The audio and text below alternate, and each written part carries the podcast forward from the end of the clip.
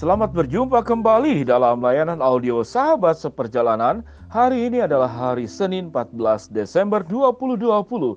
Tema saat teduh dan renungan yang kita akan pelajari hari ini dengan judul Hati yang Dipulihkan. Hati yang Dipulihkan. Firman Tuhan terambil dalam Mazmur pasal 9 ayat yang ke-9. M99 Mazmur 9 ayat yang ke-9 Demikian bunyi firman Tuhan Demikianlah Tuhan adalah tempat perlindungan bagi orang yang terinjak, tempat perlindungan pada waktu kesesakan. Mari kita berdoa.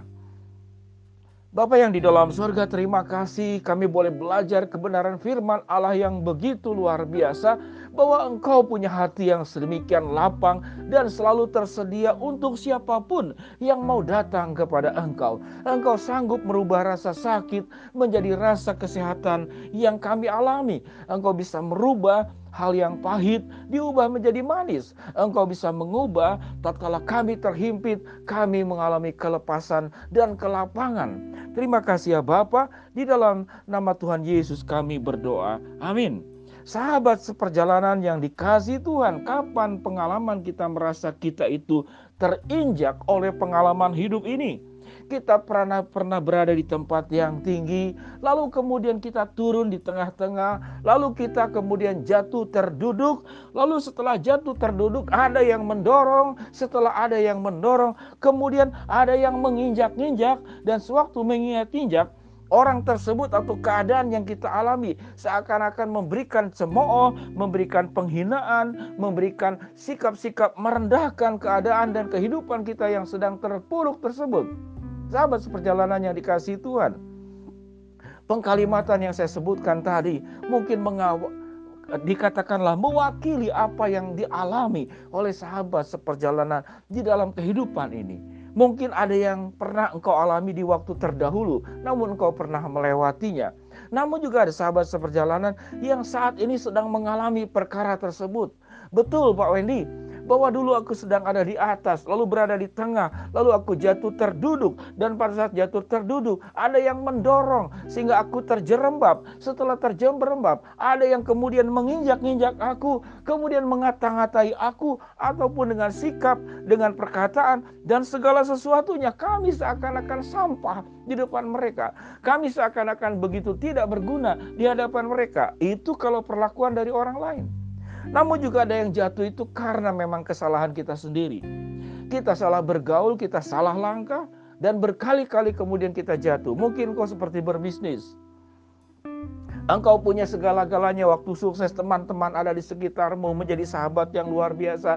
Mereka begitu mudah senyum kepada engkau. Mereka dengan mudah mengontak engkau. Dan engkau tidak pernah kesepian pada saat seperti demikian. Namun karena kesalahanmu engkau berbuat pernah kesalahan, terbawa karena oleh nafsu dan keserakahan, lalu engkau masuk di dalam sebuah usaha yang kemudian merugikan engkau. Engkau salah jalan, lalu engkau kemudian nafsu kembali dan melakukan jalan yang salah berkali-kali. Akhirnya kemudian kalian juga sahabat seperjalan bersama-sama secara tidak sadar menjadi pelaku kesalahan, pelaku kejahatan, bahkan mungkin melanggar hukum. Tatkala kemudian kondisi tersebut Akhirnya satu persatu itu hilang dari kehidupanmu. Engkau ditinggalkan, engkau berada di dalam kesunyian. Sahabat seperjalanan, engkau sahabat yang ada di dalam kehidupanmu. Yang kemudian engkau meyakini tidak pernah akan meninggalkan engkau. Sudah teruji sekian lama, namun pada saat engkau terjatuh, terduduk, engkau kemudian didorong oleh keadaan yang buruk tersebut dan engkau terinjak-injak oleh keadaan tersebut. Bagaimana pengalaman tersebut membuat engkau bisa bangkit berdiri kembali. Begitu rasa sakit yang luar biasa. Engkau ditinggalkan, engkau diremehkan, engkau rasa tidak terpakai. Dan kemudian kalau ada hal yang jauh lebih sulit lagi dalam kehidupan, itu bisa terjadi. Ada seseorang yang kemudian kelahirannya itu tidak diharapkan. Dan kemudian dia mengerti pada saat dia mulai dewasa. Jadi anak ini tidak pernah dilahir, tidak pernah diharapkan kelahirannya karena orang tuanya dalam kondisi ekonomi sulit, sudah punya anak juga beberapa dan sudah usianya mulai besar. Lalu anak ini mencoba untuk digugurkan dengan memakai obat. Setelah mencoba digugurkan dengan memakai obat, lalu kemudian ada yang eh, memberikan nasihat jangan digugurkan, biarkanlah anak ini lahir nanti saya adopsi. Karena ada yang menjanjikan adopsi, kemudian akhirnya ibu ini tidak menggugurkan. Satu bulan sebelum melahirkan, ternyata yang mau mengadopsi ini meninggal dunia karena satu dan lain hal. Lalu kemudian anak ini terlahir. Tatkala terlahir, maka pengalaman-pengalaman yang diterimanya itu adalah penolakan. Namun kemudian anak ini bertumbuh dengan baik, bahkan menjadi seorang yang berhasil dalam kehidupannya, karena dia bagaimana bisa menyikapi keadaan yang ada itu tidak ada di sudut negatif.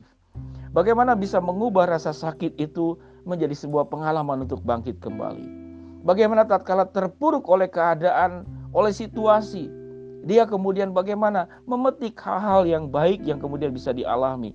Pengalaman-pengalaman tersebut membuat dia itu menjadi semakin kuat di dalam kehidupan ini. Melihat ke depan, bukan melihat ke belakang.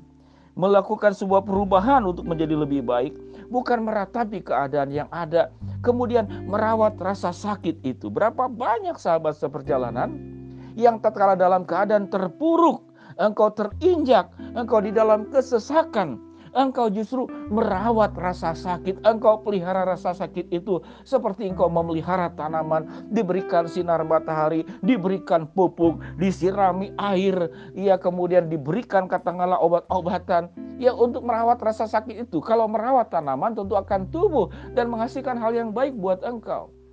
Namun apa makna daripada engkau merawat rasa sakit dan rasa sakit itu semakin hari semakin berkembang, semakin bertumbuh dan rasa sakit itu semakin menyakitkan. Sahabat seperjalanan, hari ini kita mau belajar bagaimana hati itu dipulihkan.